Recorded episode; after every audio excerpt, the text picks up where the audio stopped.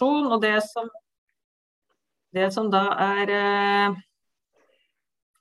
er Tanken er at vi skal egentlig jobbe oss litt igjennom et lite ja, lite gruppearbeid. Vi har egentlig satt opp også denne gangen her slik at vi skal ha et, et gruppearbeid. Og da er det sånn at Eh, jeg skal ikke innlede veldig lenge. Jeg tenker Det viktigste er egentlig at det, vi får høre litt hva dere tenker. For det, det, som vi nå skal gjøre, er at vi reviderer utviklingsplanen vår. Eh, og den eh, skal jo da være ferdig allerede vår sommer. Helt til stemmer Per Elias, 2022. Det stemmer, Britt. Da skal det forhåpentligvis det være en ny bok i trykken. Eller kanskje er klar til utdeling allerede i juni 2022. Ja. Det er bra. Og da er jo tanken eh, min, og vi har jo egentlig diskutert det i den gruppa som sitter nå med utviklingstrappa, at uh, vi må jo skrive om noen flere temaer. For det er noen temaer som vi føler at mangler, er litt mangelfulle i boka. Så vi har egentlig tenkt at det er viktig at vi får med oss noen eh, temaer, og det går mye på det som vi skal diskutere i dag, helse og ernæring. Og Det er derfor vi har tenkt at vi skal prøve å høre litt hva som er, er eh, saken fra dekk. Vi tror at eh, også dekk har veldig mange gode tanker om hva som bør inn i utviklingstrappa. Jeg tenkte bare jeg si at Litt av bakgrunnen synes jeg jo er at altså, Skiforbundets visjon er jo mange gode og glade skiløpere. og Spørsmålet er jo hvordan skal vi ivareta dette på en best mulig måte. Som sikkert mange av dere nå har fått med dere, så har vi jo egentlig fått ganske mye medieomtale de siste på en del av de temaene som vi har inn her, med ernæring og forstyrra spiseatferd og spiseforstyrrelser. Eh, og dette her er ikke bare derfor at vi har dette temaet her på Dokka, for dette har vi hatt både før tidligere på seminarer, men òg vi skal jo absolutt kjøre det inn på senere seminarer, men vi syns at det er et viktig tema, og vi ønsker også å belyse det nærmere i utviklingstrappa i langrenn. Men så her skal vi både tenke mange skiløpere, hvordan vi får mange skiløpere, og hvordan vi skal få dem både gode og glade. og Det, det er litt av tanken med de her webinarene som vi kjører nå. At dere skal få lov til å være med og diskutere og legge litt rammene for hvordan vi skal sette sammen den nye utviklingstrappa. Det som jeg hadde er at uh, Skal vi se om jeg får Der, uh, Vi har jo sett litt på hva er det vi bør ha med i utviklingstrappa. Og her er det noen av de temaene som vi har tenkt at det kanskje må stå noen ting om. Og det er ikke sikkert at det skal stå veldig mye om det på, på, i boka, men vi tenker at noe må iallfall stå på de temaene her. Og det kan hende at det er flere temaer også som dere har innspill på, som dere mener mangler i dagens utgave av utviklingsdroppa. Utviklingstroppa. Hvis det er det, så er det også bare å komme med forslag eller uh, gi beskjed om hva dere tenker om det. Vi har jo tenkt i utgangspunktet at boka, om ikke den blir delt sånn som den var tidligere, men at det iallfall er noe som omhandler barn, noe som omhandler ungdom. Noe som omhandler juniorer, voksne og de som på en måte holder på med aktiviteten livet ut. Eh, og det som er litt ønske fra meg, det er jo at dere skal kunne ta eh, de temaene her. og Jeg har delt, eh, laga noen grupperom som dere kan få lov til å gå inn i de grupperommene, og så kan dere uh, sjøl få lov til å velge hvilket tema det er. Og jeg har slått sammen noen av de her, her slik at sånn som f.eks. Eh, restitusjon og søvn, det ligger som én del i, i, ett et gruppearbeid, på en måte. Da kan dere sjøl få lov til å velge hvilke tema dere syns er interessant og spennende når jeg åpner de møterommene, slik at dere da får, uh, får diskutert det. Men da ønsker jeg at dere skal diskutere med utgangspunkt i er det hva bør stå på barn, hva bør stå på ungdom, hva bør vi ha under junior, hva bør vi ha under voksen, og hva bør vi ha eller bør vi ha noen ting aktivt livet ut. Slik at dere, Det er veldig fint hvis dere da klarer å bli enige om at dere har noen som kan eh, skrive et lite referat eller noen stikkord, og at vi da kan eh, komme tilbake og gjøre en oppsummering, slik at vi får med oss hvilke stikkord og hva dere tenker i forhold til de forskjellige grupperingene her. Det hadde vært veldig, veldig fint. Det sånn rimelig greit å forstå, Per Elias? Skjønte du det? Jeg skjønte det, Britt. Og mm, nå ser jeg at det er, eh, det er vel en eh, åtte deltakere, ni deltakere utenom oss her. Altså totalt elleve. Sånn at vi har ikke så Ja, det kommer noen flere her nå, men eh, ja. vi, vi, tenkte vel at det var Du sa det vel. altså at Hvis det blir få i hver gruppe, så går det an å, å bytte over en gruppe hvor det er noen flere folk, så at det blir en bedre diskusjon. Ja, og så er det jo selvsagt sånn at uh, det, det, med kosthold og søvn og en del sånne ting er jo veldig fint om vi får nå noen innspill på, uh, spesielt de temaene. Men vi, vi, mener alt er viktig, så, så, vi vil gjerne prøve å få mange innspill på mange forskjellige ting. Men, men det er del, ja, og Hvis vi da tenker bare sånn, hvis jeg tar ett av de her temaene, da, sånn som f.eks. søvn og restitusjon, så er det jo sånn at vi tenker at eh, hva er viktig å få med på barn f.eks. Altså, kanskje det skal sies noen ting om eh, Eh, hvor mye søvn barn bør ha, hva er det som ødelegger søvnkvalitet, altså en del sånne ting. Hvis, bare for å komme med litt eksempler på, på, noe som da kan være temaer som vi tar med oss inn i den diskusjonen. Jeg vet ikke om det er noen som har noe spørsmål før vi prøver å fordele inn i, i rom. Det er lov å rekke opp hånda eller uh, ja, Per Elias? ja, nei, det var bare et innspill til. at eh, så at dere, altså det, det, det, gruppearbeidet her er en av kan du si, fem gruppearbeider totalt. Sånn at trenerrollen omhandles i et kapittel. Um, vekst, eller ikke fysisk trening og planlegging. Eh, teknikk, taktikk. Så de emnene dekkes opp på andre steder. Så eh, det er, det er liksom bare for å klargjøre at det er ikke det, de tingene vi spør etter i dag. Det er mer innenfor det området som Britt viste på powerpointen. Ja, så det temaet er i utgangspunktet helse og ernæring. Det er jo det vi tenker at vi skal ha først og fremst eh, fokus på i dag. Men jeg kunne egentlig tenkt meg fått en liten sånn derre liten sånn oppdatering på hvor, det, hvor dere er igjen og hva dere holder på med. Uh, så hvis det er noen som uh, Hvis vi kunne bare tatt en liten runde på det, så hadde det vært fint. Uh, Anne Mette Grønli, kan du bare få det til å slå av til mikrofonen din og, og si litt om hvor du kommer fra? Hei. Jeg heter Anne Mette Grøtli. Kommer fra Kvikne lengst nord i Hedmark. Ja. Eller Innlandet heter det vel nå, da. Men... Innlandet. Ja. Og er trener for, eller? Nei, jeg er vel ikke akkurat så veldig aktiv trener, da. Jeg er mest uh, ja, en mor til en utøver. Så... Ja. Og leder i idrettslaget. Ja, flott. Ja, men det er bra. Da skal vi høre med Berit, da. Berit Viken. Hei, Birgit. Birgit, det Birgit var det, vet du. Ja, ja, det var det. Ja. Jeg, ja, jeg representerer, eller jeg, akkurat nå så er jeg foreldre til en gutt som går i Byåsen langrenn, som er gutter 16 i år. Ja. tidligere så har jeg vært eh, skitrener eh, i både Strindheim og Byåsen. Ja. Egentlig. Så jeg tror nesten i 30 år. Men nå har jeg trappa ned litt på gamle dager. Nå er jeg bare foreldre. Men jeg er jo veldig interessert i det som skjer og foregår rundt ungene, da. Ja. Mm. Flott. Da er det eh, Margrethe.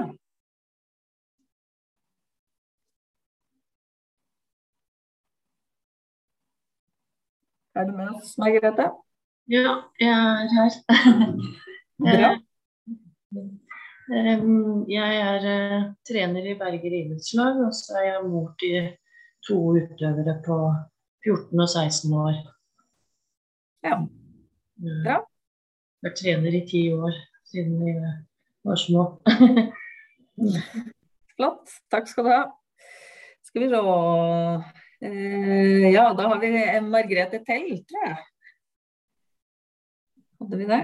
Eh, nei. Så, jo. Jeg tror det står Margaret. eh, Margrethe.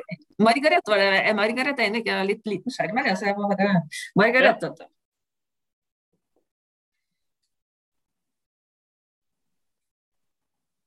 Er du med, Margaret?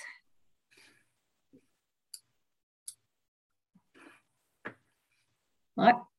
Da prøver vi Stian, da. Ja, jeg er med. Du er med.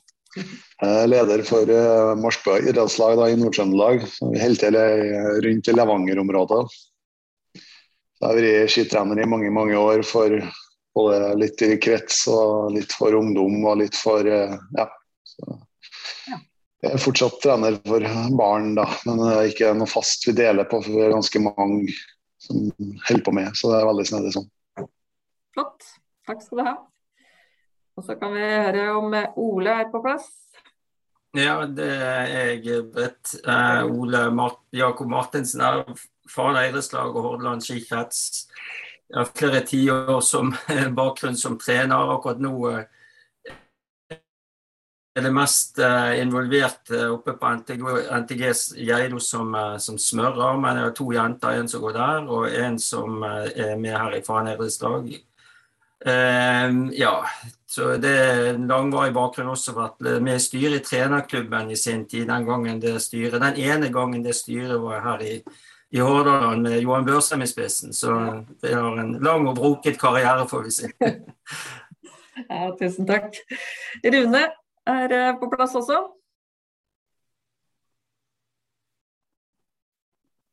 Ja, hallo. Hallo, hallo. Jeg kom litt sent eh, inn her, men jeg logga meg på av eh, nysgjerrighet. Eh, Rune Talsnes, ja, eh, navnet. Jeg jobber ved Meråker videregående og teknikk av det miljøet der. Og, og for så vidt miljøet i Trondheim, og jobber primært med forskning i dag, da, og en doktorgrad. Så jeg er vel også med å skrive litt på utviklingstrappa på den fysiske delen. Så jeg skal prøve å bidra med det jeg kan her. Ja. Det er bra. Jeg kommer og besøker deg i morgen. Ja, OK. Ja, jo, stemmer. Det har jeg hørt. Ja. Og så har vi Audun med.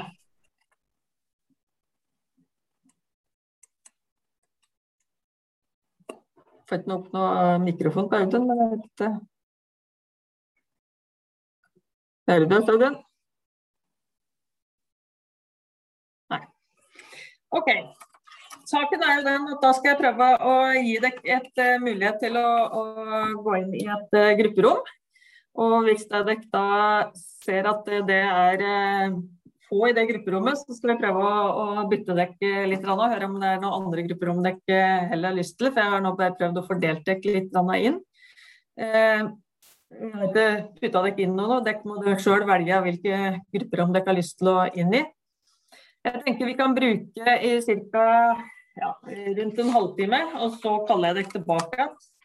Og da får dere beskjed om når vi, når vi skal inn igjen. Men eh, fint hvis en av de som da er på gruppa kan som sagt ta en eh, liten sånn der eh, stikkordsnotering, slik at vi får med oss litt hva som blir sagt når vi skal ha en oppsummering. Så at vi får med oss da når vi da skal prøve å tenke på at vi skal ha med inn i boka.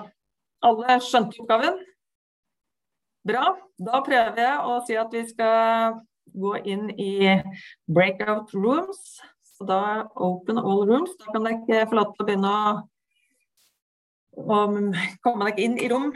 Prøve å se om det er noe som spennende der. Restitusjon og søvn, kosthold og prestasjonsernæring, idrett uten skade, doping, idrett og rusmidler, forstyrret spiseatferd pluss pluss og vekst og utvikling. Det er de valgene som nå ligger inne her. Ser ikke de rommene i dag, eller? Ja da. Mm. Men uh, skulle de egentlig ha kommet bare sånn rett på skjermen? Skal vi se. Ja, tror det. Jeg, ja. Jeg ser bare dere og dere med video. Jeg, jeg tror du må klikke der nede. Du må fort menyen nede, så må du klikke nede på breakout rooms. Det måtte iallfall jeg gjøre. Ja, men det står ikke noe nede på linja her heller.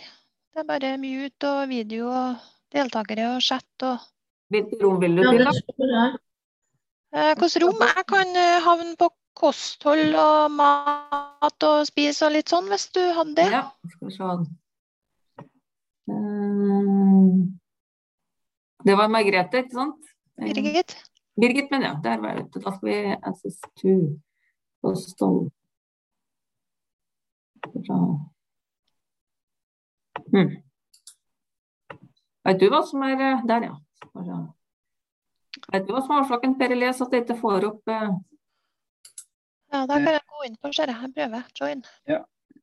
Så nå går sikkert Birgit inn. Eh, hvis ikke så tror jeg at kanskje du må trykke på more først. Ja, nå forsvant hun.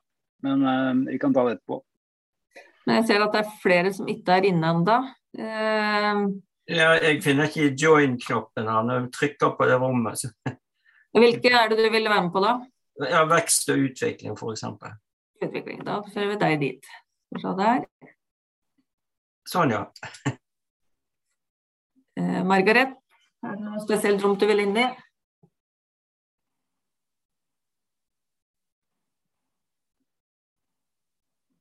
Audun, der hører vi ikke, men uh... Anne Mette, da? Nei, jeg får heller ikke opp noe rom. Er det noe spesielt du ønsker å gå inn i? Jeg ser at det er mange som går på vekst og utvikling. Vil du prøve et annet et, eller? Ja, jeg kan jo hoppe inn der det gikk noen andre, for å si det sånn. Ja, kosthold og prestasjonsernæring. Der eh, gikk iallfall uh, Birgit. Det kan jo Ja, jeg gikk nå ut igjen, for jeg stod som jeg var alene. Men hvis jeg får med meg flere, så begynner jeg det kommer flere nå. Da kaster jeg inn noen flere her, ja. Ja, ta så få få opp en sånn join igjen, da, så jeg kan uh, klikke på. Ja. Det, det er uh, move to join. Avansert det her. Mm, jeg tror det er der, skal vi se. Mm. Ja, jeg må kanskje move eh, For når jeg har vært på kosthold og prestasjonstrening, Er det Birgit som du Ja. prøver å få Ja. inn i et rom? Ja. Skal vi se. Um, eh, da skal, du, er jo, du er jo i den riktige. Skal vi se, da må Jeg liksom har trykka på liv, da, men jeg er på en måte ikke gått ut, Ja, kanskje, henger så jeg henger igjen. Men her hvor er det, da? Skal vi se, jeg er jo sammen med dere òg. Ja, hvis, du, hvis du trykker på 'more' nederst, Birgit, eh, har du den knappen nederst på nederste linja? Tre små prikker. Nei, men nå ser jeg at jeg har breakout room, så den så ikke jeg i sted, så da trykker jeg på den først. gjør det. Ja. Fint. Ja. Skal vi se om du får den, ta, tak i den. Ja, nå så det ut som Ja, da er det egentlig Audun, men han får ikke noe mikrofon på, så jeg vet ikke. Men eh, Nei, hvis du hører meg, Audun, det tror jeg kanskje du gjør, ettersom eh, Eller, ja. Så, så, så kan det være at eh, jeg kan jo prøve å vise på, på maskinen her. Eh, hvis du eh, Nå må jeg kanskje bare dele litt skjerm eh, her nå. Ja, skal vi se. Jeg kan klare det. Om jeg tar den skjermen der. Skal vi se om det går. Deler jeg min skjerm nå, Britt? Ja. Så hvis, hvis du går på den eh, meeting information, tror jeg, eh, så får du opp et eh, tannhjul. Og da er det, trykker jeg på tannhjulet, da får du opp audio. Trykker du på audio der, så må du se at det er kobla Altså det står at det er Nå bruker jeg noen ørepropper som heter Per Elias AirPods Pro. Den kan jeg velge til å være på bilt inn på maskina eller noe annet. Så jeg vet ikke helt hva du har, Audun. Men hvis du da prøver å bytte på mikrofon her, sånn, så, så skal du kanskje kunne få det til.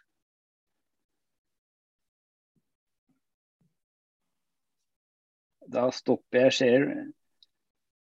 Var det forståelig, Britt? det var forståelig. Så altså inn på den grønne jeg skal si, skjoldet opp til venstre, og så ja, og inn på tannhjulet. Og videre inn på audio der. Da skal man kunne velge hvilken lydkilde man vil ha inn og ut. Kan vi jo se om Audun får det til. Ja. Vil du inn og Jeg- høre litt, eller? Ja, jeg lurer på om jeg skal eh, Får du til å gå inn på noe, du? Og så får du ikke Ja. den, du heller? Jo, det, det, måten å joine på er jo å trykke å ta pekeren over tallet, det blå tallet. Da kommer Ja. det opp join. Ja. Så jeg, jeg går litt inn i den uh, vekst og utvikling, jeg da kanskje. ja. Kan jeg gå inn i den der kosthold- og prestasjonsernæringen, da? Ellers så kan jeg bare vente litt til på Audun for å se om Audun kommer seg inn. Ja. Skal vi se om han har fått noen mikrofon. Nei.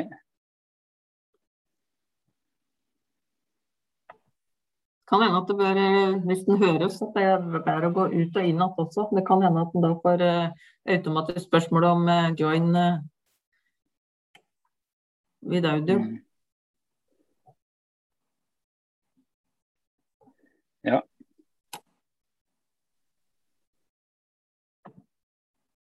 Jeg opp ingen mikrofon, ingen Skal vi se.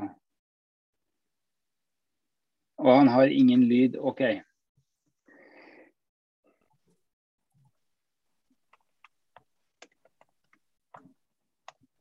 Skriver til Audun, da. Trykker på grønn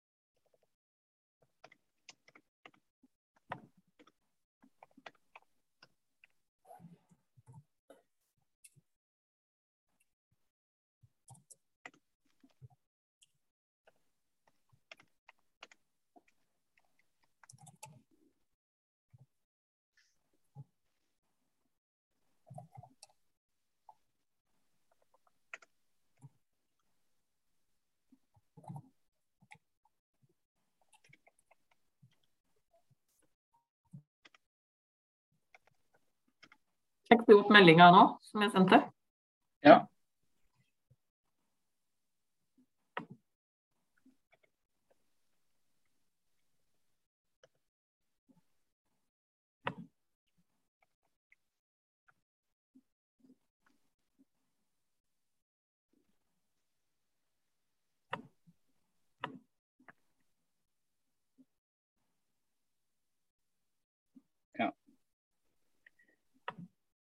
Da går jeg litt inn i vekst- og utviklingsrommet, Britt. Ja, det er greit.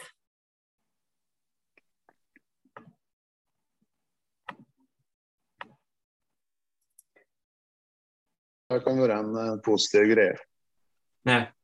Ja, nei, mi- Mitt poeng er jo det der at de, du, de, i hvert fall når du har store grupper, så, så er det alltid noen som blir gode. gode sant? Jeg sier ikke det at de ikke skal ha oppfølging, men, men hvis du tenker litt sånn på altså En ting som jeg har eh, Nå er det Per Elias med her, ser jeg. Så det, så en ting alltid som jeg har eh, tenkt på med utviklingstrappen, og jeg har vært med å på en måte spille inn ting tilbake i tid. Men det har jo vært ofte det at den er veldig fokusert mot å skape elite. Sant? Mens vi som kommer fra en breddeklubb, og det, Per Elias, det, det er innspillet. Det er veldig viktig å, å tenke på at de liksom fundamentet i Ski-Norge, om det er på Vestlandet eller i Trøndelag eller på Østlandet, det er jo egentlig den og, eller den um, breddeidretten. Sant? Og den må du ha. og jeg mener det at det, det, det er veldig for, for, for jeg tror du, du får vi har jo hatt sånn greie tid, diskusjon mange ganger tidligere at det er så mange som satser på ski i Norge. Det er alltid noen som blir topp. sant? Så Ja. Jeg sier ikke at du ikke skal bry deg om de, men jeg tror faktisk det å få til denne gleden som ligger i formålet her. sant? Altså, det, tidligere var jo formålsparagrafen å skape varig interesse for skiidrett. Og, da, og, da, og det, det er, jo, er jo egentlig utrolig viktig å, å, å ta seg av. Og, så vi var inne på det Per som homogeniserer gruppen. Jeg har jo vært trener i så mange år at når du ser på en måte at du får barnebarn at eh, foreldre, de, Dine tidligere utøvere kommer igjen med, med, med, med sine utøvere, og du ser nå at de, eh, de ligger helt på topp i hovedlandsrenn, og sånn, så har du oppnådd noe. da egentlig, sant? Men å skape den bredden tidligere, det, det er utrolig viktig for å skape det fundamentet. Så jeg mener det å, å, å, å klare å identifisere de uh, viktige tingene du kan gjøre for de, de tidlige og 8-10-12-årsalderen er utrolig viktig. Altså. Nei. Det var egentlig bare det å at uh, Jeg er veldig enig med det du sier. Det, det var litt sånn med tanke på dem som er at det beste han ikke føler at det blir kjedelig å komme på trening. At de får noen utfordringer dem som er, kan dra dem opp. Da. Så Jeg er helt enig med deg at det er ekstremt viktig akkurat det å få den homoniserte gruppa som, er, som kan trekke i lag samme veien. Uh, absolutt. altså.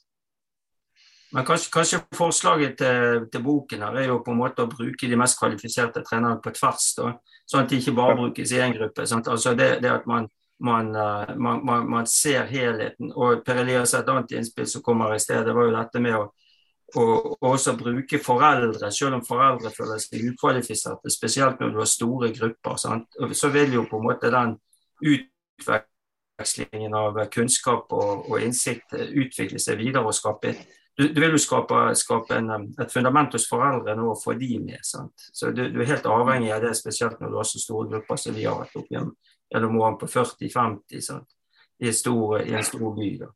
Da, da, klarer du ikke det på egen hånd, selv om du føler deg veldig kvalifisert. Altså. Det kan jeg bare si. ja, det skjønner jeg. Absolutt. Ja, så, men, men, det var, det var iallfall noen innspill der. Mm.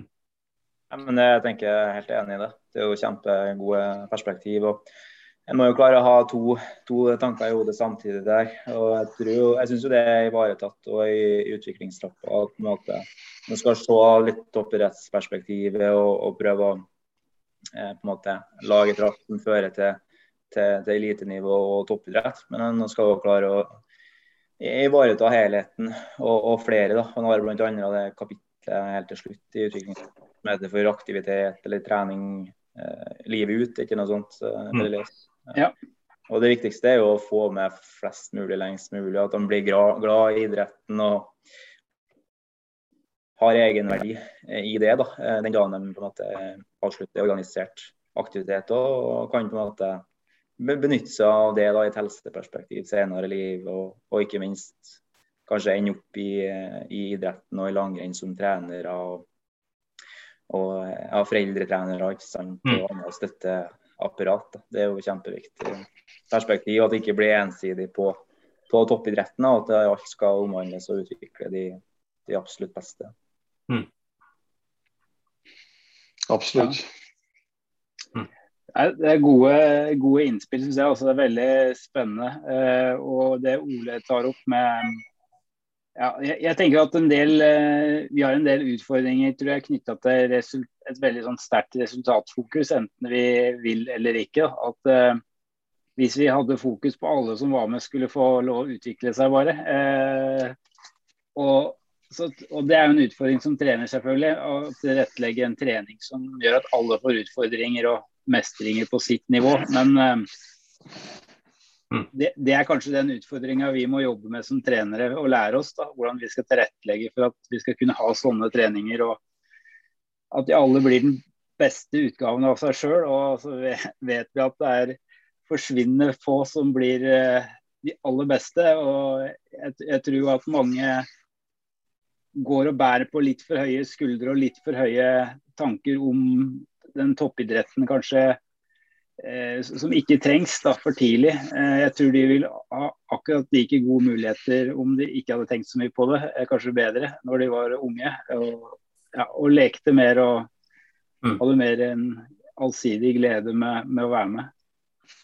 Min erfaring iallfall som en altså Jeg har jo trent folk som har hatt medalje i NM og, og veldig gode seniorløpere òg, men jeg har også trent veldig mange unger. Og det er klart at jeg tror, de, jeg tror Hvis du bygger det fundamentet, så, så klarer du på en måte, så kommer de beste uansett. Og du ser jo til slutt uvilkårlig, så sitter du igjen altså De sendte tre jenter herfra nå til NTG, der den ene var helt sånn topp i best, blant de fire, fem, seks beste i hovedlandsrenn. Sånn. Og, det, og, det, og, de kom ut av en sånn enormt stor gruppe. Så, så, du klarer jo de, jeg, jeg, tror de kommer ut uansett, altså. De mest interesserte, de som klarer å holde holde det. Så jeg tror du oppnår begge deler, hvis, men du må, du må, på en måte liksom overfokusere på den bredden til å begynne med. Da. for å, klare å få alle med. Sant? Jeg tror det er et godt slagord for alle med. Og, også at de føler seg trygge osv. Men, men som sagt, i store grupper og, og sånn, så må du bruke foreldre også og, til å, å klare det. Så det er mange ildsjeler som aldri får noen anerkjennelse altså, så, så, så med, med hele tiden. Men det er noe, det er noe annet perspektiv med det enn det der med utvikling tidlig. Men jeg tror du legger mange grunnsteiner veldig tidlig. Altså. Mm. Rune, du er jo oppe i Meråker. Eh, det er kanskje ikke der så mye nå, det er kanskje mest i Byåsen. Men det, det, gjøres jo noe riktig, håper å si, i hvert fall flere miljøer. Har du noen tanker rundt det i forhold til vekst og utvikling? Hva som hva, si, hva de gjør riktig? Vi har vi diskuterte litt det i stad, før du kom inn her. Ja.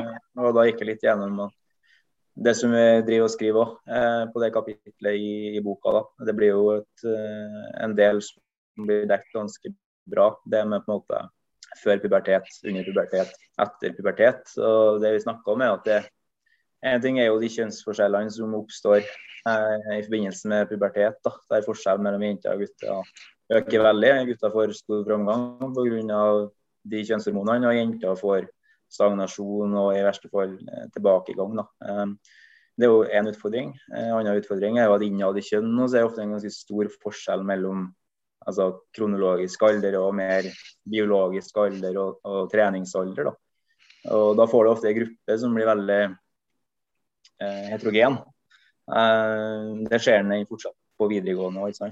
Eh, i Meråker f.eks. Eh, og det skjer den som var nevnt her i stad, eh, på klubbnivå og i, yngre alder. da. Og Det er vanskelig da, når du har en gruppe på 20-30, kanskje 40 utøvere og klarer å tilpasse treninga til å bli god da, for, eh, for alle. Og få den gruppa mer, mer homogen på, på sikt. Um, mm. Så det, ja, og spesielt den jente i forbindelse med pubertet, er krevende i mange miljøer. Og på, fortsatt på de videregående miljøene, eh, sånn som jeg ser det. Der er det det å klare å holde dem motivert og holde dem i gang selv om på en måte prestasjonsutviklinga ikke er der, det, det, er krevende. da. Eh, men den kan komme ikke sant? når du blir 20, 25, mm. så plutselig så, eh, så skjer det ting. Men det, det, kan være tøft i, i, den perioden når det skjer mye med, med kropp. da.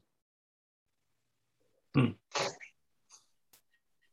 Ja, jeg, jeg syns det er spennende. Det er, eh, og det er selvfølgelig vanskelig å komme noe noen fasiter på sånne ting. Men uh, vi, på, på trenerkursene våre nå så prøver i hvert fall vi å um, legge mye fokus på det liksom de, mer sånn soft skills da, på en måte for treneren. At det å se alle utøverne, um, gi tilbakemeldinger uh, på en måte prøve å jobbe på litt kanskje mindre flater eh, enn å sende folk ut i, i lange løyper, men være tettere på. At eh, liksom aktiviteten blir tettere, men, men, det er samtidig mulighet for den enkelte utøver å egentlig differensiere litt sjøl i forhold til egen innsats. Eh, at det ikke blir så eh, på en måte krevende som uh, det, det, kan bli hvis man på en måte sender folk ut på lange løyper. Og de som alltid kommer sist uh, når det er litt av pause, de får nesten ikke pause, men må gå videre med en gang. og sånn. At man det tror jeg ikke så mange gjør lenger, men eh, det, det skjer nok. og mm, Jeg vet ikke om det funker eh, i, i junioralder. Jeg, jeg syns det er utfordrende, men jeg syns i barnealderen så fungerer i hvert fall den type aktiviteten ganske bra. Jeg tror det er kjempepoeng. da. Altså, det er jo spesielt i langturene der det er utfordrende når gruppa blir så så forskjellig. Og det, det hører jeg jo fra, fra trenerne i Meråker. At det, i, sånn i 16-17-18-19-årsalderen så er det fortsatt vanskelig. Da. Når de er i gruppe på 30, to kjønn, eh, store forskjeller, så er de to trenere. Så skal de ut og springe i to-tre timer opp i fjellene der. Da, og det er vanskelig på en måte at alle får, får sin rette belastning. Kanskje Det. Der, der, tror du bare må skille i grupper og, og, og så være helt ty... Og, så må man på en måte utføre det man har planlagt. Sant? At man faktisk klarer å holde en lavere hastighet. Så igjen på, på, på, den gruppen som har, har minst, uh, minst uh, forutsetninger. Jeg syns mye av endringen skjer gjerne i den tiende klasse, sant? før de begynner på videregående, og det siste året egentlig som uh, som hva skal vi si, som ungdoms, barne- og ungdomsløpere. Det, det, det, er nesten det mest kritiske året vi har sett, for da har vi opplevd veldig stort frafall.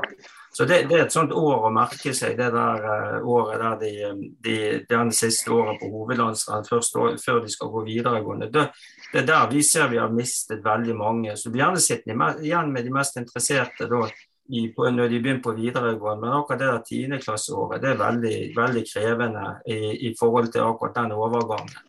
Men det kan jo også være en overgang mellom det du beskriver, Per Elias, dette her med med på en måte mer å trene på mindre du sier mindre flater. Men den min erfaring er det der at igjen, helt enig du skal gi de beste godt tilbud, men ofte å ta de ut i egne økter som ikke er fellestreninger.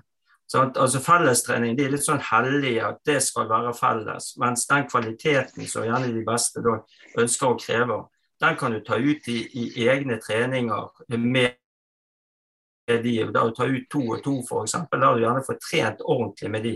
For de beste får jo aldri trent ordentlig når du er 20 stykker eller 10 stykker. Sånn. Eller du får liksom ikke den kvaliteten. Så sånn, iallfall min erfaring har gjort, det er å skille de to veldig. Men det, selvfølgelig krever det jo at du, som mange trenere, du opptatt hele uken, hver kveld i uken.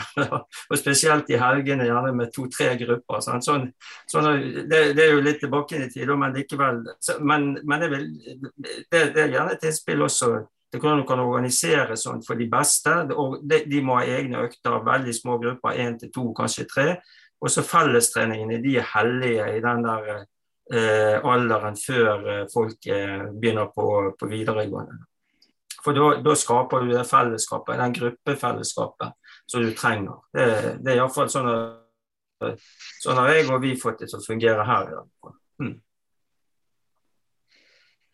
Bra. Ja, vi har jo slitt litt med samme greia, vi òg, i forhold til at du har det, du har liksom noen som er kompiser, og det kan være stor forskjell på kompisene. Så hvis du skal hente på kompisen din på en langtur, så kan det være en som trener på nesten maks intensitet, mens en har det veldig rolig. Så det, når det er en liten gruppe, så blir det en stor utfordring. Altså. For du, det å prøve å fortelle utøverne fra de er ganske unge om at eh, du må her må du faktisk tenke litt på deg sjøl når du trener òg, og lage økter som gjør at du ikke altså du treffer kompisen din, men du må ikke hele tida sprenge attmed eller på sida av den, eller så godt du kan bare henge som et slips etter den. Mm. Så, det, så, foreldre er utrolig viktig i forbindelse med sånne ting, der du kan uh, spre dem litt utover og faktisk uh, da lage de grupperingene seg litt sjøl. Mm. Mm. Så, og snakke litt om det, da. Eh, det tror jeg veldig, veldig lite altså, tren, Trenere har jo, treninga er vi jo på, det er jo mange som er.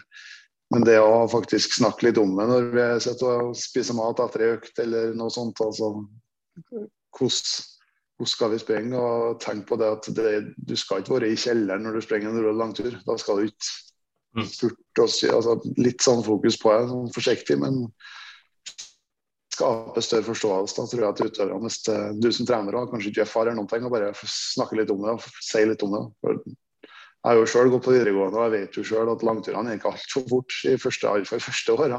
Mm.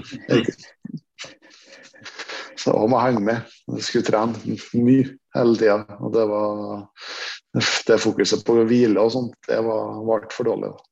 Mm. Ja, så Et annet aspekt og det er du inne på, jeg er helt enig, det er jo den innpakningen. Sant? altså Innrammingen av øktene er viktig.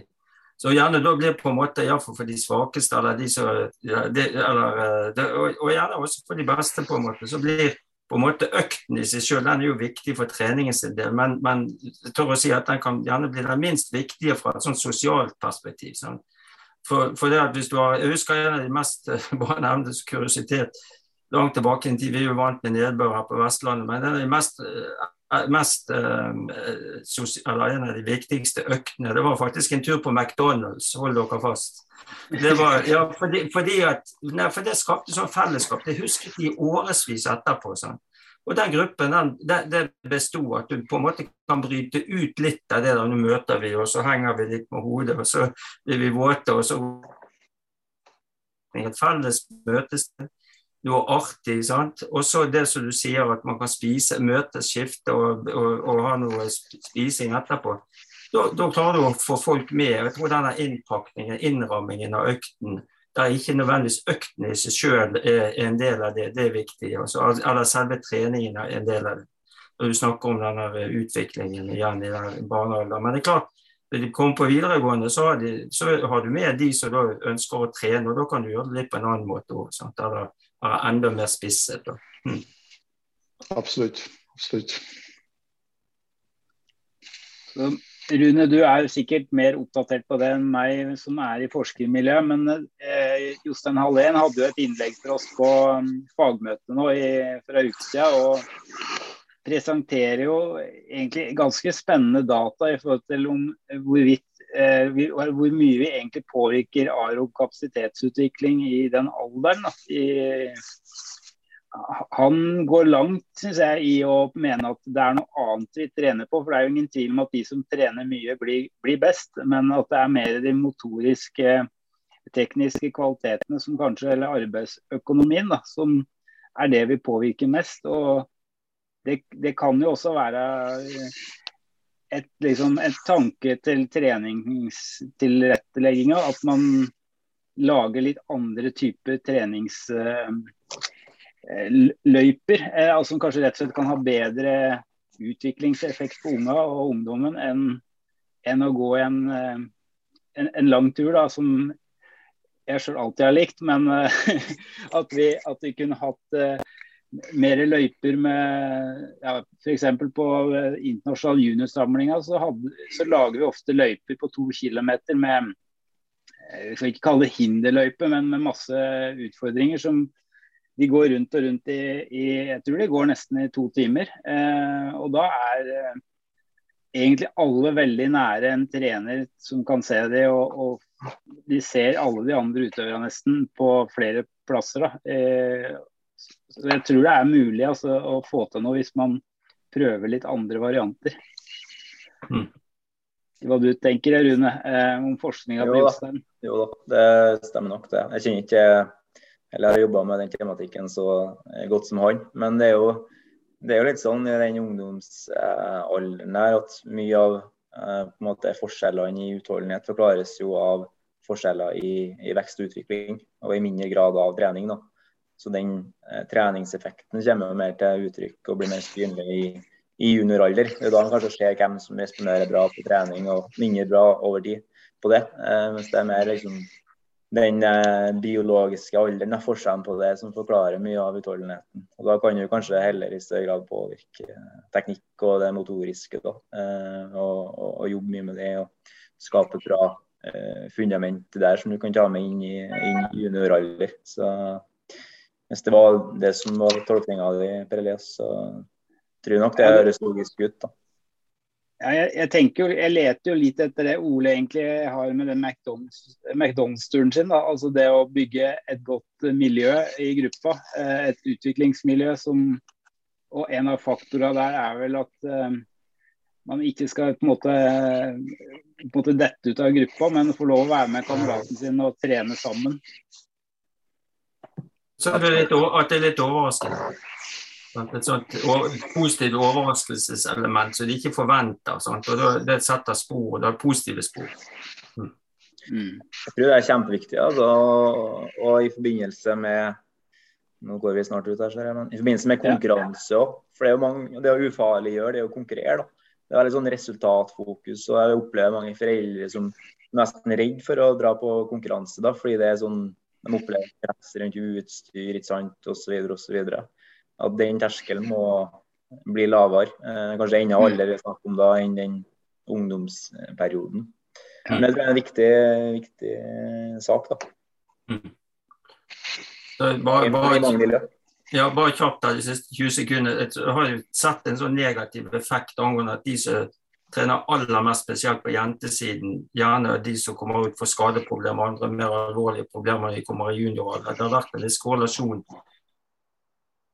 med det, de miljøene jeg har vært i. Det er noe å tenke på egentlig i forhold til det der også skape helheten. Men vi kan diskutere det mer når alle er til stede her. For det, det er iallfall noe jeg har sett.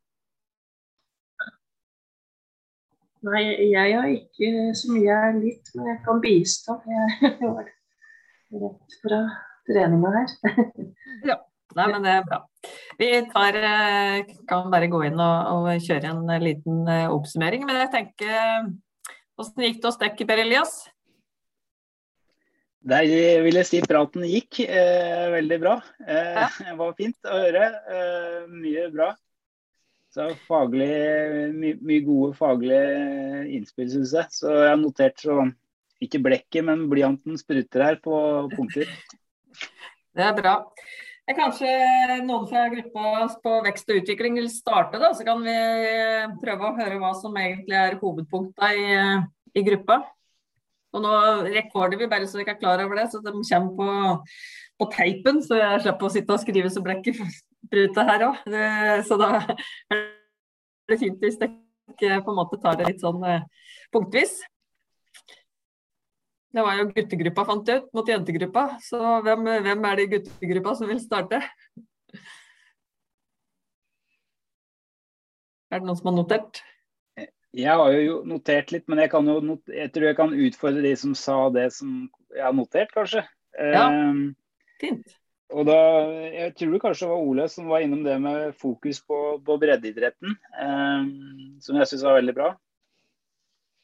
Ja.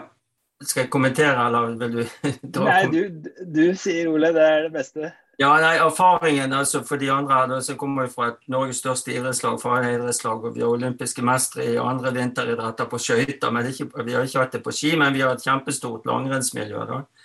Og Vi har jo vært en breddeklubb i alle år, selv om vi har hatt mange gode over tid og noen veldig gode løpere. Men eh, det vi har sett, er iallfall hvor viktig det er å ivareta den breddeidretten eh, når eh, du kan si 8, 10, 12 opp til egentlig de går i tiende klasse, vil jo jeg inkludere. Sant? Og så er det store skillet, og du ser avskalingen skjer når man eh, går til videregående. Men, men, det å ha veldig fokus på at det skal være inkluderende, og så et par sånne konkrete ting til gjennomføring. Da, at alle, selv de beste og mest ihuga, de skal jo også ha sitt opplegg, men min erfaring og vår erfaring har vært det å ta de ut i egne økter, bare to-tre stykker, istedenfor at fellestreningen er hellige. Det er liksom da du skaper samholdet, på en måte, og ikke dyrke de beste. Det tror jeg det er veldig mange som gjør, for å si det rett ut, feil, egentlig. Mens, eh, og det, det, har vi klart å holde på veldig mange over tid ved det. Og det er jo, altså etter, Jeg bruker jo litt det gamle slagordet 'skape varig interesse for skiidretten'. Altså det det, det, det syns jeg er en viktig ting å se. Og, og ja, det blir mange ting, men, men også se f.eks. at de jeg har trent for 30 år siden, 25 år siden, kommer tilbake igjen med egne, egne barn. Sant? Og da, på en måte, da har det fellesskapet på en måte vært jeg, eh, viktig, eh, viktig um, i, den, i den diskusjonen. Men iallfall oppsummert, da, fokus på, på, på, på den gruppe, fellesskapet, bredden tidlig. for de du får alltid de gode de kommer alltid frem, mener jeg. Så, så det, det, var vel litt sånn langt oppsummert av Per Elias. jeg syns det er bra, Ole. Det er, eh, du hadde jo flere ting der, men jeg kan jo kanskje Det var jo en sånn litt skal vi si, et dilemma eller noe som var kjent i gruppa. og Det var jo på en måte den eh, kanskje overgangsalderen mellom uh, hovedlandsrennalder og junior for jenter, uh, hvor mange mm. opplever at uh, det er litt sånn ja, noen utfordringer med å og, og der, I forhold til at vi er vekst- og utviklingsgruppa, så sa vel du det før jeg kom inn, tror jeg, Rune. Men du kan jo gjerne dele det her, litt tanker rundt det med jenter og utvikling. Ja da. Nei, jeg syns det var mye mye gode spørsmål som kom opp, og mye gode perspektiv. Eh, og spørsmål som jeg ser at eh, på en god måte kan bli dekket i utviklingstrappa. Det var jo godt å se at vi, det vi har starta på å skrive, er relevant. Eh, og det kapitlet på ungdomstrening og før pubertet, under pubertet, etter pubertet blir jo ganske bra dekt. Så det er jo et kjempeviktig tema, et krevende tema. En ting er jo det som skjer på, på, kjønnsforskjeller mellom gutter og jenter når de kommer i pubertet. Der på en måte eh, Pga. forskjeller i kjønnshormoner, gutter blir jo eh, bedre egentlig uten av å nesten trene. Eh, mens jenter vil ofte oppleve en stagnasjon, eller kanskje òg en tilbakegang i prestasjonsutvikling. Eh, og det å skape den forståelsen og klare å motivere og holde jentene i den perioden er jo veldig krevende. Og, det kan på en måte ta ganske mange år, da. Eh, både inn i junior og kanskje ut junior òg, før de eh, først får det løftet. Eh, det kan jo være i alderen 20 til, til 25 år at det virkelig får tilbakebetalt for den treninga de har lagt ned. Så det å klare å måte ha forståelse for det her og klare å motivere og holde, holde jentene i gang, er jo viktig. Og noe som jeg tror blir dekt eh, bra nå eh, i utviklingstrappa. Den andre delen av det er jo at det er ganske stor forskjell innad i kjønna. Både før pubertet og under pubertet og etterpå i det som er si, kronologisk alder og det som er mer biologisk alder da, og treningsalder. Så ofte ender du opp med en gruppe som blir veldig Eh, stor variasjon i. En heterogen gruppe. Ehm, det ser en på videregående òg fortsatt, og det er utfordring. Og der hører jo litt utfordringer fra, fra klubbmiljø og på en måte yngre utøvere. Hvis du har 20-30, kanskje 40 utøvere, og er på en måte klarer å differensiere og tilpasse treninga til, til, til, alle, da, både mellom kjønn og, og innad i kjønn. Så det er ja, jeg syns de har en krevende jobb, de som er trenere i den alderen der. Eh, Sammenligna med f.eks. landslagstrenere osv. Så, videre. så eh, virkelig um... Jeg kan bare legge til Rune, at det, det var et poeng som kom frem. Da, at Det var jo dette her å bruke gjerne de mest kvalifiserte trenerne også på de svakeste, spesielt tidlig, for å løfte de, for å få gruppen mest mulig homogen. For det tjener egentlig alle på, både sånn sosialt, men også det, for, for, for gruppen til. Og selvfølgelig skal jo gjerne de kvalifisere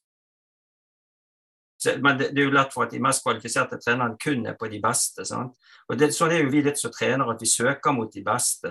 Men, men, der bør vi sikkert utfordre oss sjøl litt. og Det tror jeg er poeng som kan skrives i boken nå. At man må bruke trenerne, de mest kvalifiserte trenerne på tvers av gruppen, og ikke bare på de beste. Mm. Det er et godt poeng. Det går jo litt over i det du det punktet du, du var inne på i stad. når de skal se, se, helheten og se bredden. og En må jo klare å ha to tanker i hodet samtidig. her, At en skal ivareta toppidrettsperspektiv og klare å utvikle utøvere som blir gode på, på seniornivå. Eh, og eh, så skal en klare å ha med flest mulig lengst mulig og utvikle eh, på en måte ungdom og, og etter hvert voksne da, som er, er, glad i trening og idrett og finner egenverdi i det resten av livet. Og, og kanskje kan ta del i idretten som trenere osv. på et senere tidspunkt. Så det, det er jo litt bakgrunnen for det siste kapittelet. Aktivitet eller trening livet ut.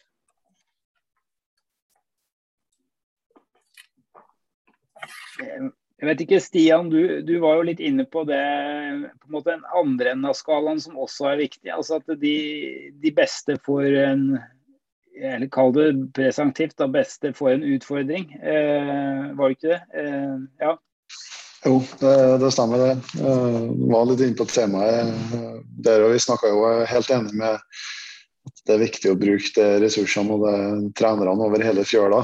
Eh, så snakka vi jo litt om det å, at de som er best òg, ikke må, må, kjede seg på trening. Så de må få noen utfordringer som, som passer dem òg, som kanskje ikke passer kompisen som er like gammel. Men jeg, jeg tror det er viktig å, å få med det òg.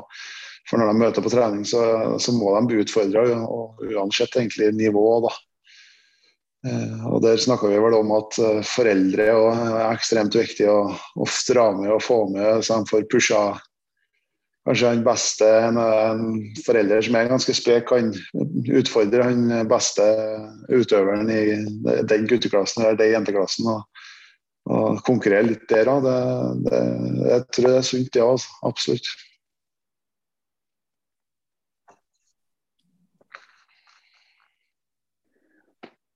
Har, jeg var ikke med i hele gruppearbeidet, men, Britt, men eh, jeg tror vi har fått med en del i hvert fall fra gruppa her nå. Ja, Spørsmålet ditt da til gruppa er jo eh, har dere diskutert hva er det som bør på en måte, Hvor detaljert bør vi ha med ting på barn? Hvor detaljert bør vi ha ting på ungdom? altså hva, Hvilke temaer eller hvilke hovedgrupper bør vi på en måte ha eh, ha med på hva. Altså, vi, skal, vi skal ut og lage boka 300 sider eh, tjukkere. Det er jo ikke det som vi skal være. Så vi må jo på en måte være ganske spissa på hva vi skal ha med på hver enkelt eh, gruppe på vekst og utvikling. Men hva er det som vi føler er viktig å få med for de forskjellige gruppene. Altså er, du, er du foreldre eller trener for eh, barn, hva, hva, bør du vite om vekst og utvikling? Hva bør du vite hvis du er trener for ungdom? Hva bør du kunne noe om hvis du skal være juniortrener? Og hva er på en måte senior- og toppidrettens krav? Og så er det på en måte er det noe spesielt vi må også ta hensyn til når vi trener de som skal være med aktivt livet ut. da. Har dere tenkt noe på det? Altså, hva, hva hva bør vi på en måte skrive noe om i de forskjellige grupperingene?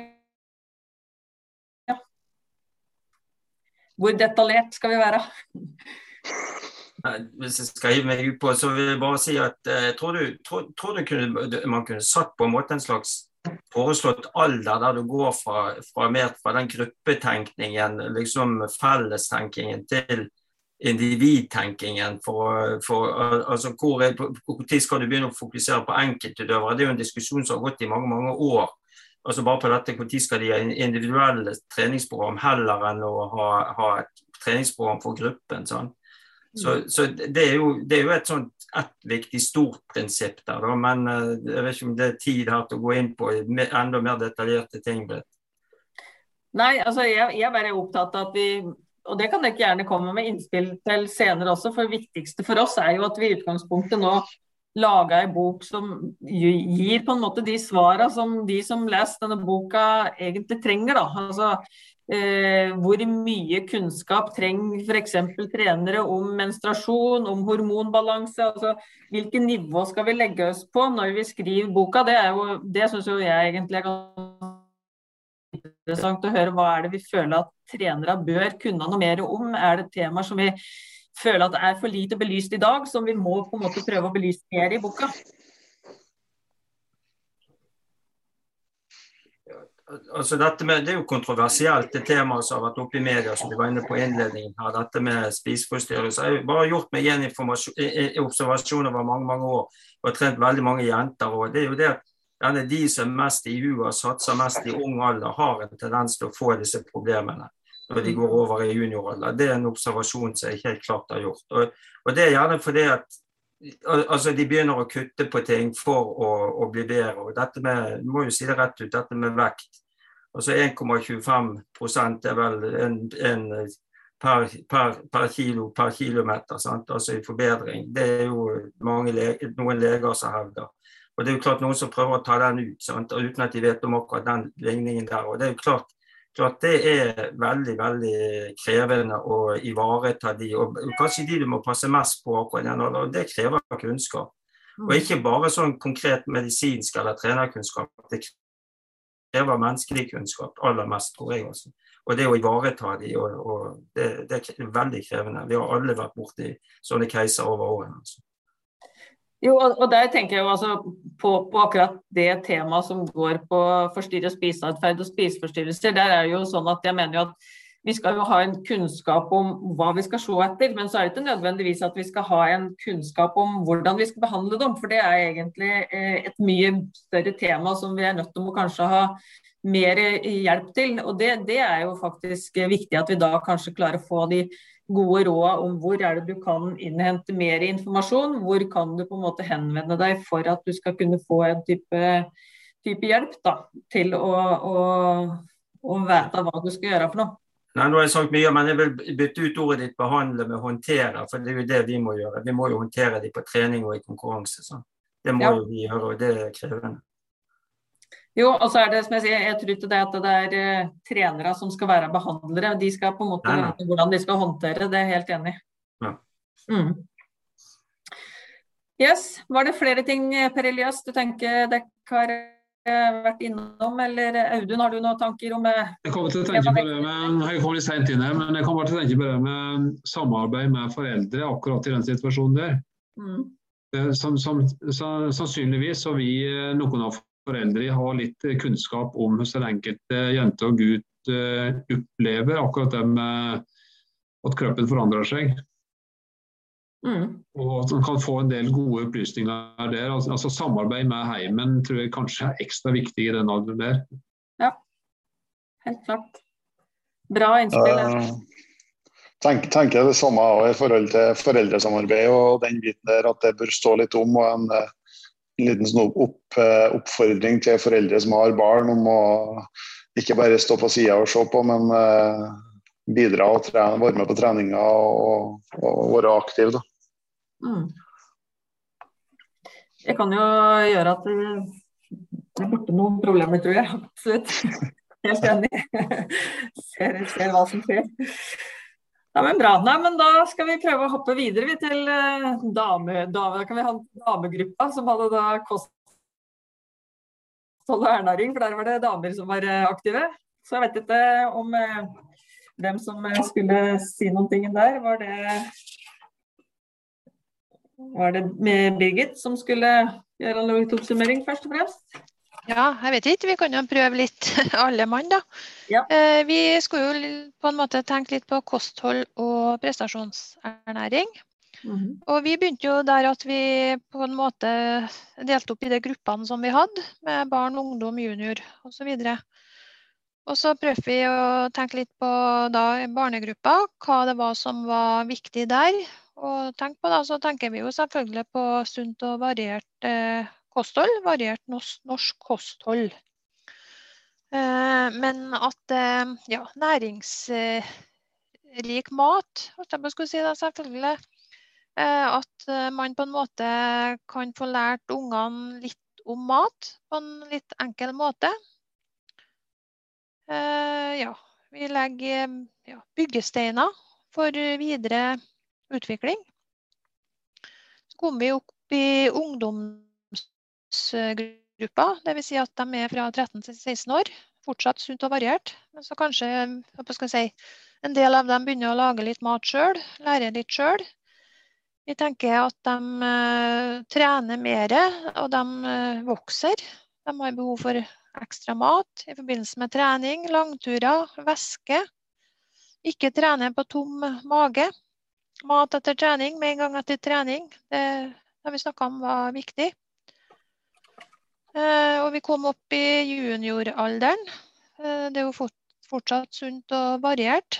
Eh, de lager kanskje mye av maten sin sjøl. De har kanskje flytta ut på bord kanskje for seg sjøl på noe hybel eller noe sånt.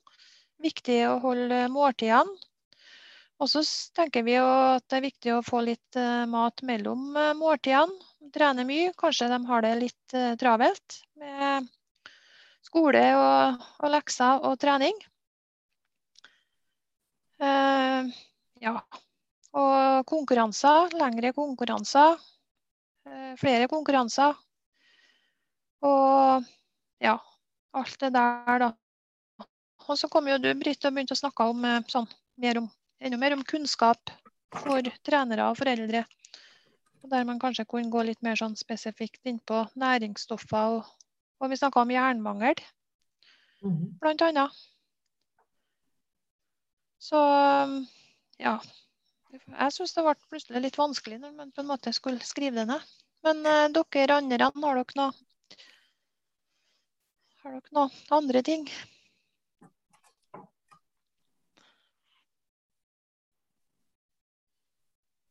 Nei, det var vel en bra oppsummering av det vi prata om, syns jeg. Ja.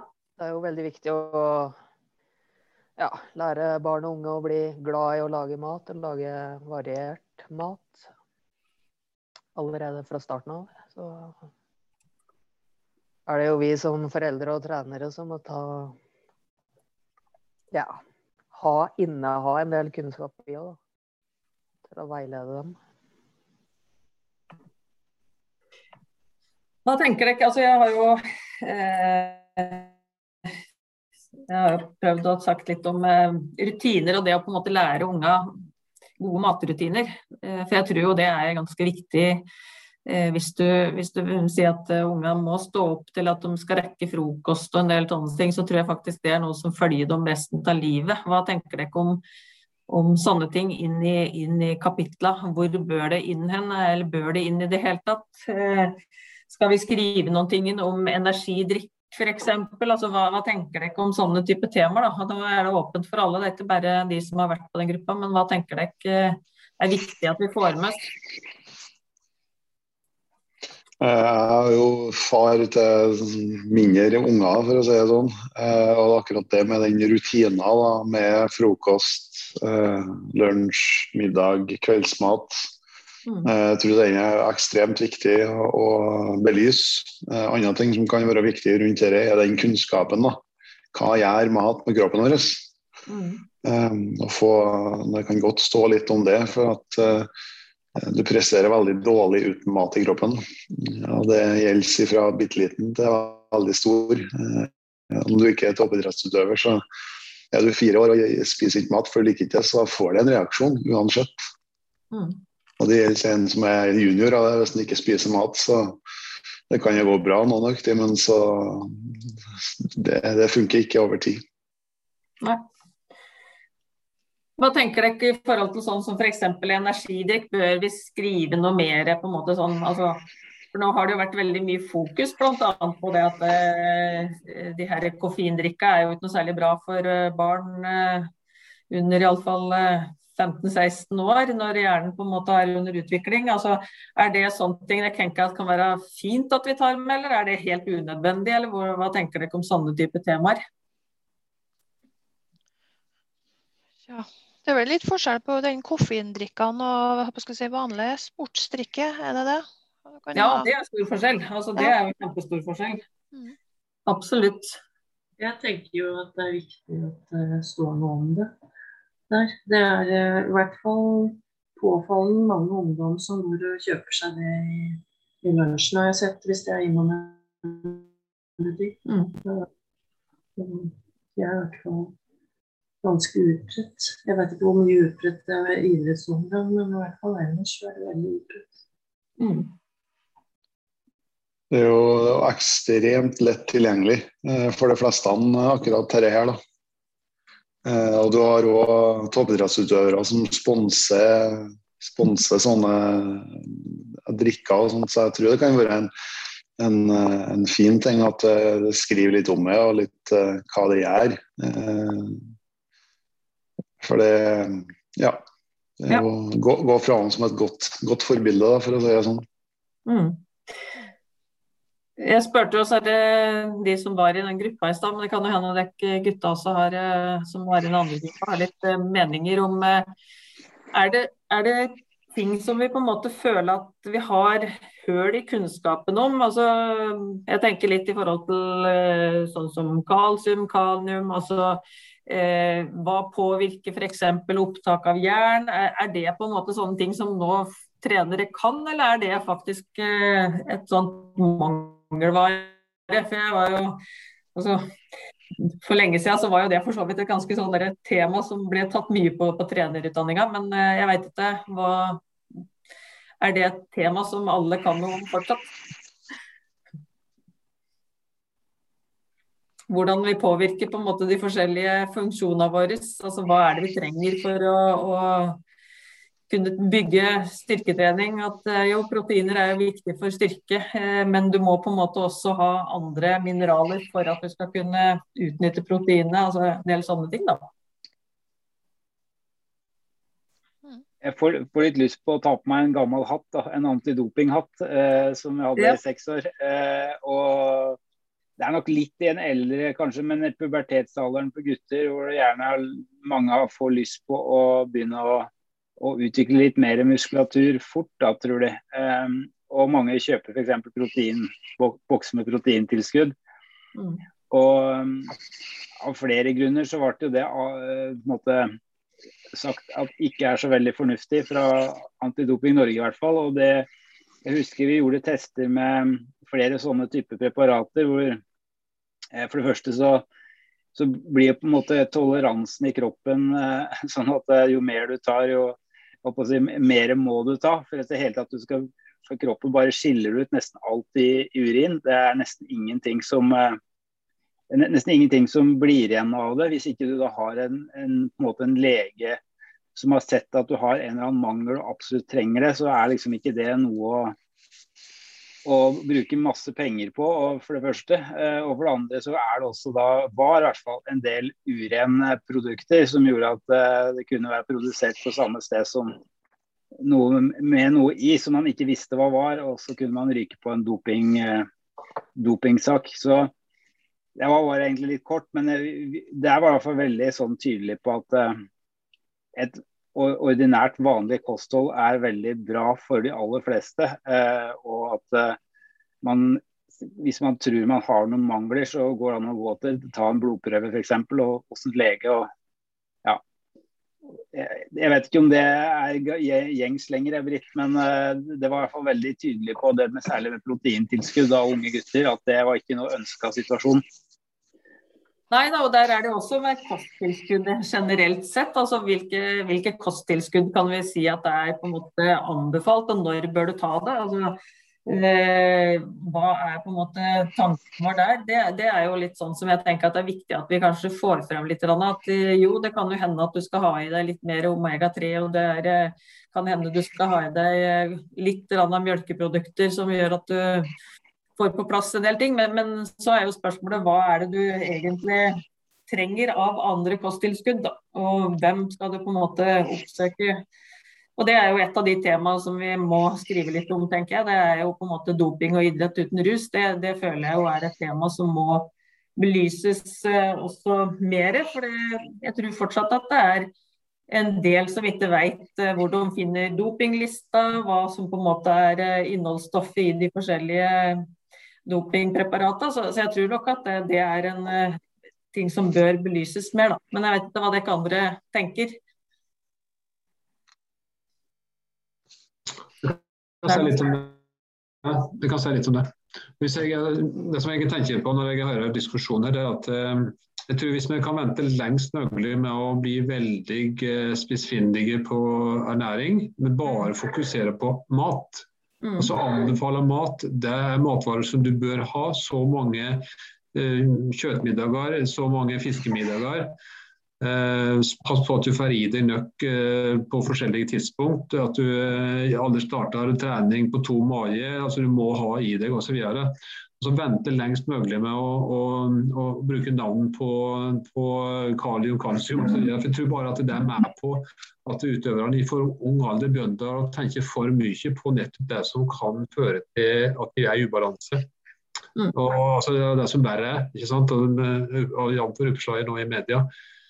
Jeg bare kom til å tenke på en liten, uh, en liten idé. Uh, det er med, jeg var på et besøk, klubbesøk, faktisk. Jeg er ikke så mye på, på klubbtrening direkte, men jeg har vært på en klubbesøk. og Det var en klubb der de serverer kveldsmat en gang i uka. Mm.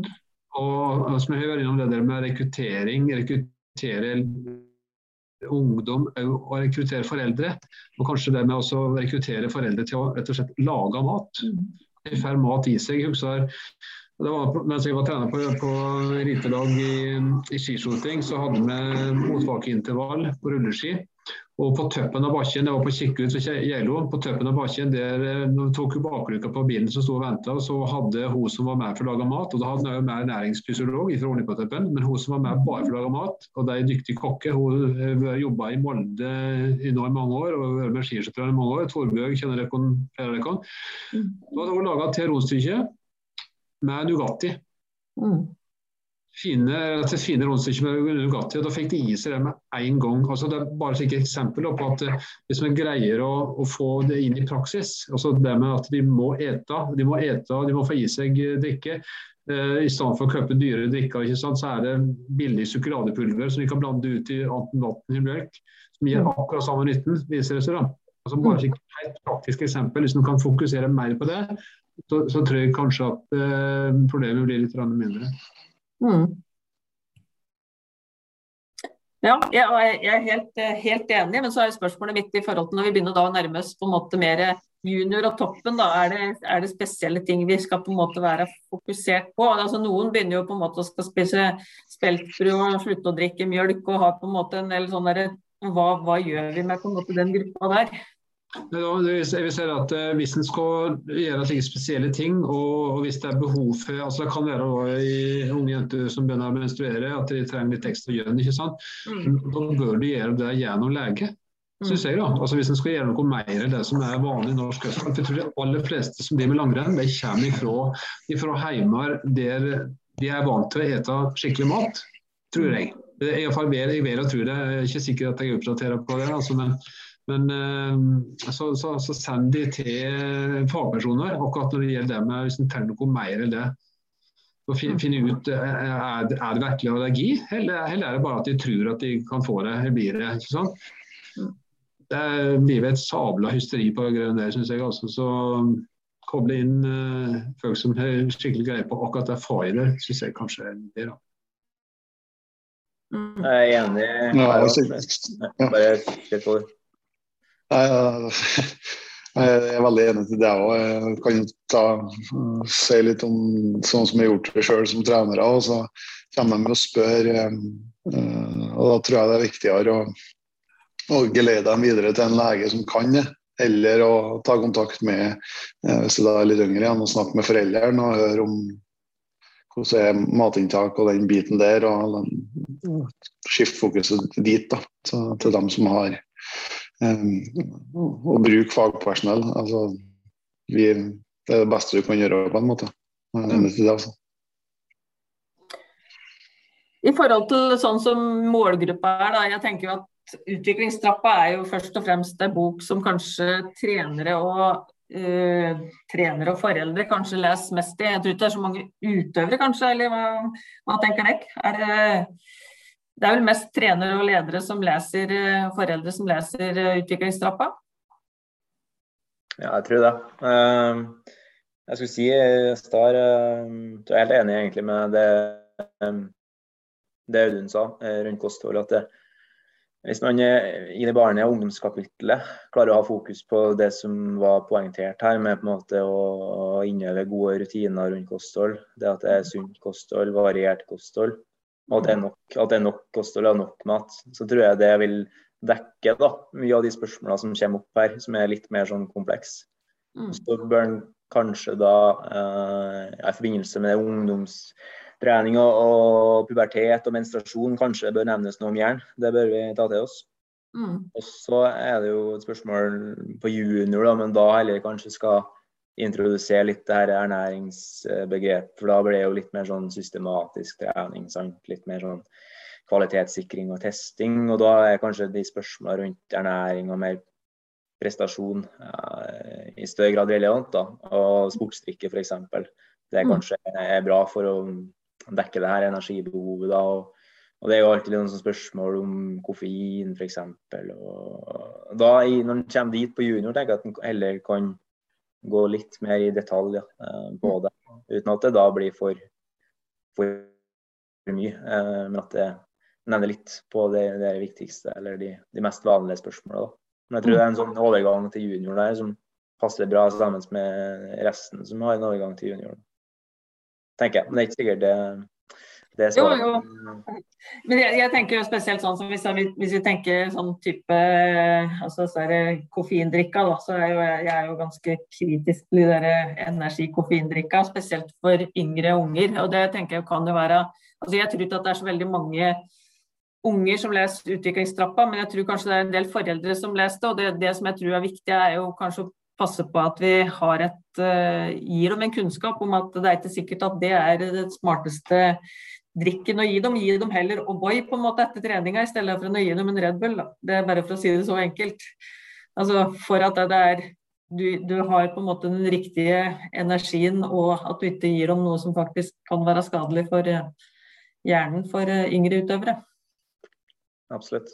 Nei, en ting der eh, kanskje som kan supplere med for at det skal ha enda bedre effekt, det er bildet av noen av de beste løperne når de sitter og spiser.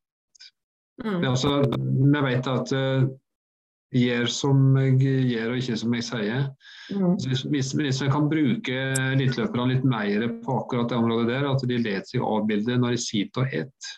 Mm. Det er på tallerkenen. Altså, slik spiser jeg om morgenen, slik spiser jeg eh, midt på dagen, slik spiser jeg til middag, og slik spiser jeg mellommåltid, og slik spiser jeg rett etter og drikker rett etter trening. Jeg tror kanskje det har vært et positivt bidrag når de ser at noen har forbildene faktisk gjør i praksis, at det ikke bare er noe vi skriver.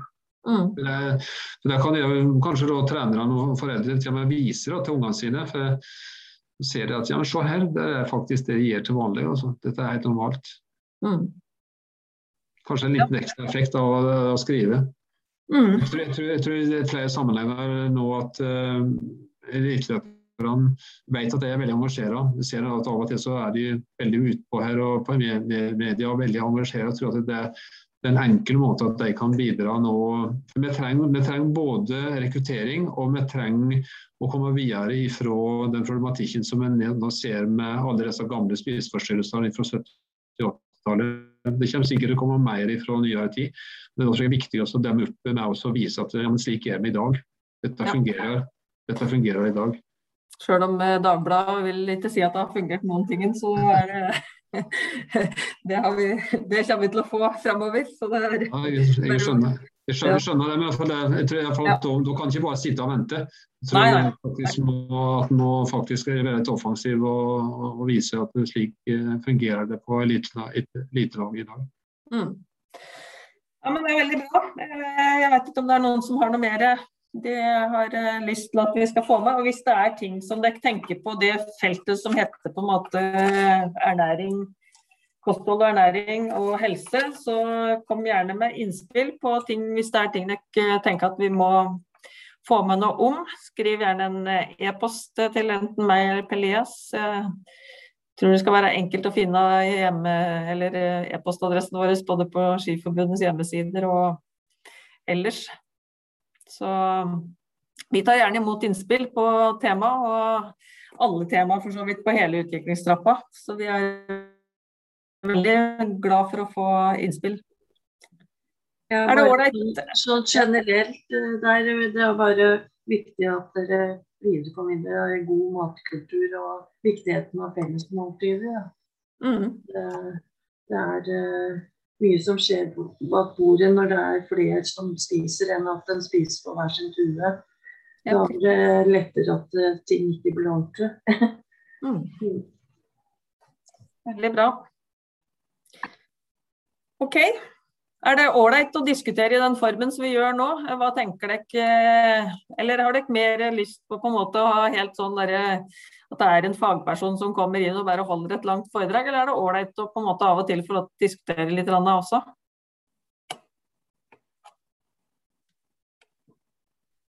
Jeg syns det er fint. Jeg syns det er utfordrende òg, da. Man får utfordra seg litt. Og... Så jeg syns ja. det er greit. Bra. Overraskende positivt. Du Må bruke, eh, kan, Istedenfor å bare sitte og høre, så må du faktisk eh, reflektere litt sjøl. Og se litt vinklinger her. Det, så det er bra, det. altså. Bra greier. Flott. Ja, nei, og vi tar imot, eh, vi tar imot eh, både ris og ros på hvordan, hva vi gjør. vi, så vi, Det er bare å si fra hvis det er andre former som dere heller vil ha. Og så kommer det nå eh, en del eh, Vi kommer til å sette opp en del fagwebinarer der vi skal vise også på en måte eller ha fagpersoner som skal inn og diskutere på de temaene her, og, og komme på en måte med faglig bit.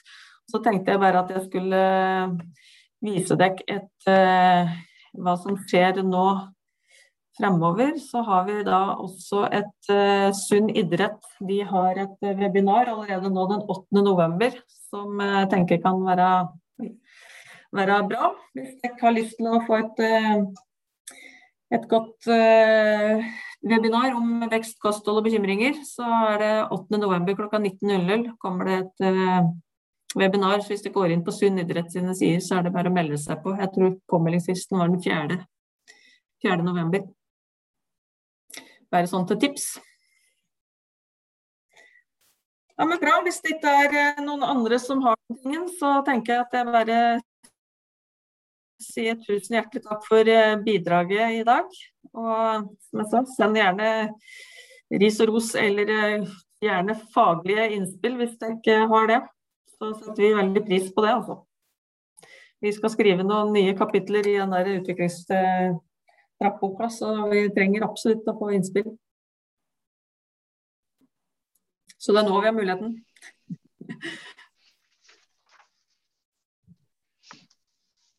Bra.